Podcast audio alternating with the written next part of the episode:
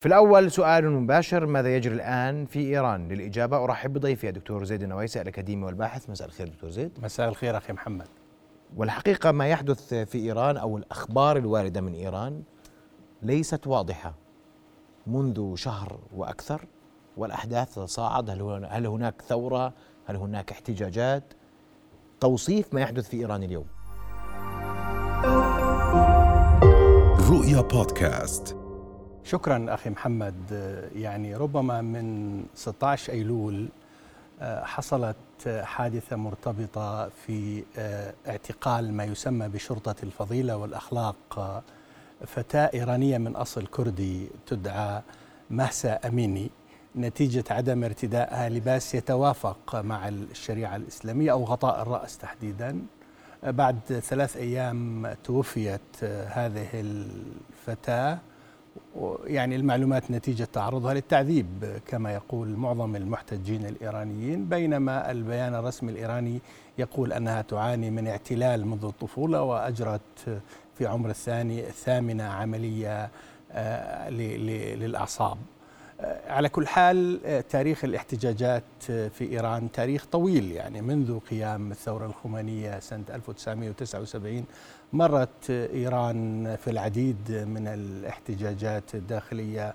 منشأها في الغالب كان منشأ اقتصادي نتيجة الظروف الاقتصادية. كما تعلم إيران على الأقل خلال الثلاثين عام الأخيرة كانت تعاني من عقوبات اقتصادية قاسية مرتبطة ببرنامجها النووي وأيضا خاضت حرب طويلة مع العراق في الفترة من عام 1980 وحتى عام 1988 وتركت أثار عميقة في المجتمع الإيراني.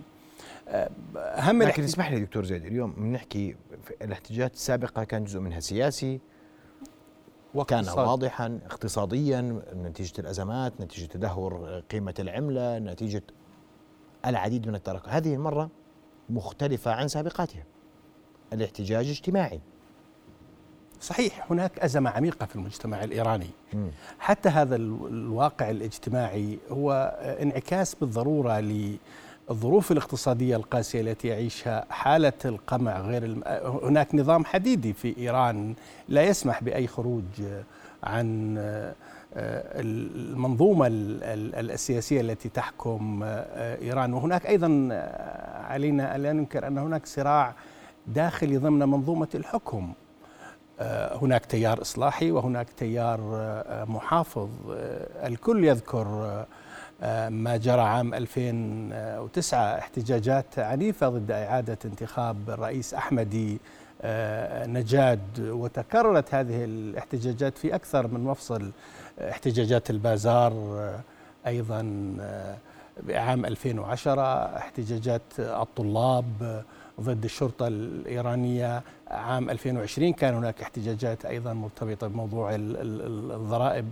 لذلك أعتقد إنه من المبكر القول بأنه هذه الاحتجاجات قد تؤسس لما يمكن وصفه بربيع إيراني آه، جديد قد يمتد. إذا لم تتضافر كل القوى الأساسية دعني أذكرك إنه عندما بدأت الثورة الخمينية استمرت عام على فكرة ولم تنجح إلا عندما انضمت كل القوى العمال والفلاحين والطلبة وكان للطلبة دور أساسي في آه، حدوث الثورة. والأهم من ذلك اليوم أنه هل المناخ آه، الدولي آه، بالرغم من يعني الأصوات التي تندد بما يوصف بقمع المرأة في إيران وفرض شروط عليها. هل الوضع الدولي لكن اسمح لي دكتور زيد في, في هذا الإطار تحديدا. أنت بتقول اليوم العالم وقف إلى جانب الثورات أو محاولات الاحتجاجات الإيرانية الاحتجاج الشعبي الإيراني. وقف إلى جانبه العالم في كافة المحكات اللي ذكرتها صحيح؟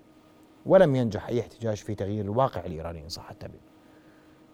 اليوم لأن الموضوع يخص المرأة ويخص آه، آه، وفي هذا السياق الاجتماعي أيضا الدعم الدولي إذا صح التعبير خجول.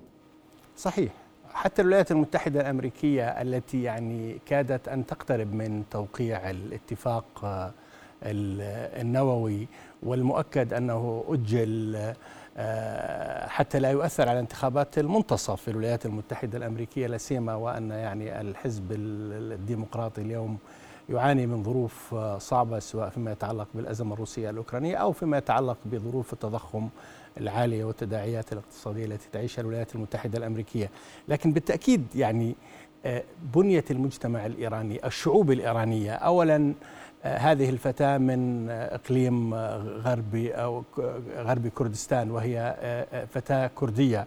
والأكراد كما تعلم يشكلوا 7% من قوام المجتمع الإيراني يعني حوالي ما يقارب الخمس مليون نسمة لديهم مظلومية تاريخية وهي امتداد للمظلوميات في المنطقة كلها سواء في العراق أو في سوريا أو حتى في تركيا بطبيعة الحال. لذلك قدرة النظام الإيراني على استخدام آه، يعني أساليب القمع والعنف أعتقد أنها ستحول بالإضافة إلى أن جزء كبير من المجتمع الإيراني يؤمن بالأساليب التي تستخدمها آه، مؤسسة المؤسسة الدينية أو ما يسمى بشرطة الأخلاق آه، في ضبط سلوك السلوك العام في المجتمع الإيراني وسلوك النساء الإيرانيات.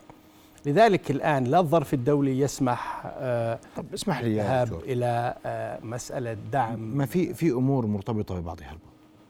اليوم احتجاجات في إيران وإيران على مقربة من توقيع اتفاق نووي رايح جاي بالعامية. يعني المعلومات تقول أنه أنجز تقريبا يعني. أنجز دون أن توقيع دقيق بانتظار انتخابات نصفية أمريكية بانتظار توافقات دولية أيا أيا شئت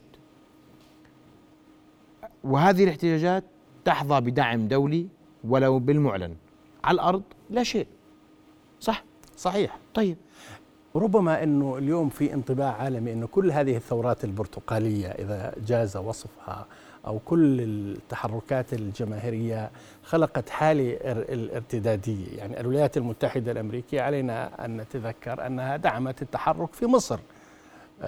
في عام 2011 وفي تونس وفي غيرها ونشاهد يعني التداعيات التي حصلت آه، وفي سوريا أيضا هناك فشل يعني أنت تقصد أن الربيع العربي كان مدعوما امريكيا بمعنى كلامك. أخرى. طبعا الولايات المتحدة الأمريكية استثمرت بشكل واضح بالربيع. يعني آه، إذا كانت الولايات المتحدة الأمريكية حريصة كل الحرص على حقوق آه، المواطنين العرب نجد موقفها مغاير فيما يتعلق بأقدم قضية في المنطقة وهي القضية الفلسطينية.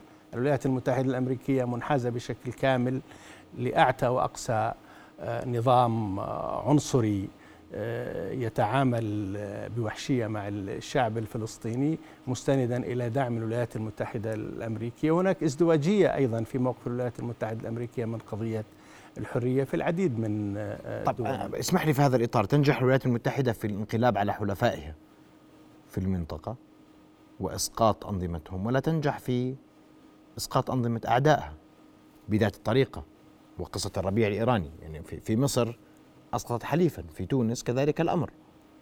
صحيح هذا صحيح وأنا في تقديري إنه أيضا هذه الأنظمة التي فشلت الولايات المتحدة الأمريكية في إسقاطها لديها أيضا حلفاء دوليين لا يقلوا أهمية عن الولايات المتحدة الأمريكية.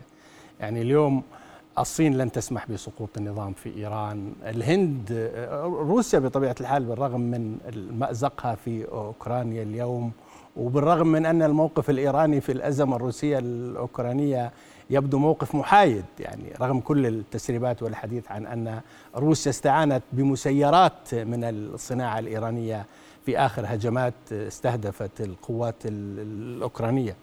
لذلك يعني في تقديري إنه اولا هذه الأنظمة أنظمة حديدية آه، ولا تتوانى عن استخدام أعتى أساليب قمع معارضيها. وأيضا يعني آه، هناك تركيبة معقدة في المجتمع الإيراني، المجتمع الإيراني كما ذكرت قبل قليل هو مجموعة من الشعوب. وبالتالي هنالك حواضن اجتماعية كبيرة آه، للنظام آه، تدافع عنه في النهاية. وربما هذا يؤدي إلى انفجار مجتمعي يعني لكن هذه أول مرة الأزمة سببها ديني إن صح التعبير. دائما كانت المشكلة إصلاحية سياسية اجتماعية إصلاحية اقتصادية نعم. والاجتماعية هذه المرة ارتدت حجاب لم ترتدي بالضبط. وهذا ما يقلق العالم إن صح التعبير وهذا ما يقلق إيران. إيران تتحدث بكل صرامة في هذا الإطار. القوة هي الحل الوحيد لهذه الاحتجاجات وتوصيف ما ضد الثورة وضد إيران وعملاء.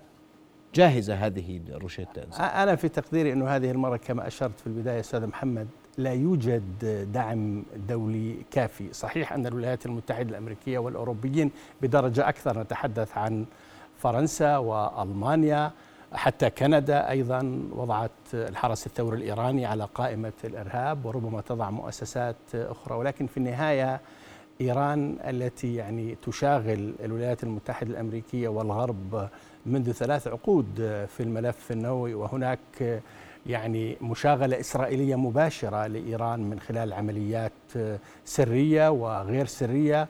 تستهدف مواقع نووية وتستهدف علماء وتغتال علماء ولكن ما زالت إيران في تقديري منخرطة في المنطقة وقادرة على تصدير أزمتها. وهذا السلوك الإيراني معروف إنه عندما تشعر بأن الوضع الداخلي آه يزداد تعقيدا هي لا تمانع بأن تنخرط في الملفات الإقليمية وهي حاضرة في ملفات إقليمية خاصة في منطقتنا حاضرة في اليمن وفي سوريا وفي العراق. هي لاعب آه، أساسي. يعني قبل أيام آه، حصل اعتداء إيراني على مناطق عراقية كردية.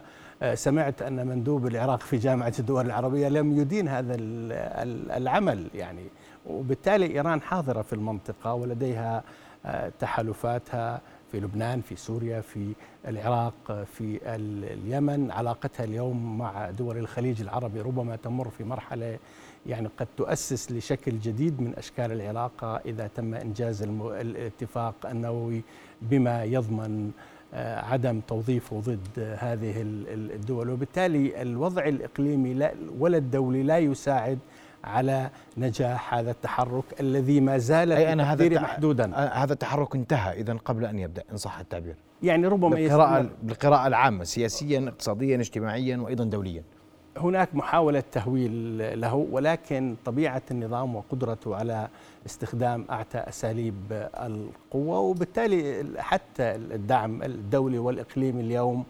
يعني يعني لو لو كان هذا الحدث حصل قبل يعني إنجاز ما تم إنجازه في الاتفاق النووي من مباحثات. أعتقد إنه سيكون هناك ماكينة ضخ إعلامي هائلة في الإقليم. ولكن يعني هذا الخبر يمر تقريبا في النشرات الإخبارية مرور الكرام وبشكل غير مكثف لأن الوضع الإقليمي والوضع الدولي تغير نسبيا.